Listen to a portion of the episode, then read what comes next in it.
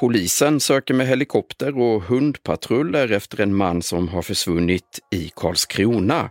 Mannen såg senast i lördags och Jimmy Modin på polisen berättar att det är efter en anmälan som eftersökningarna görs, bland annat med helikopter och hundpatruller.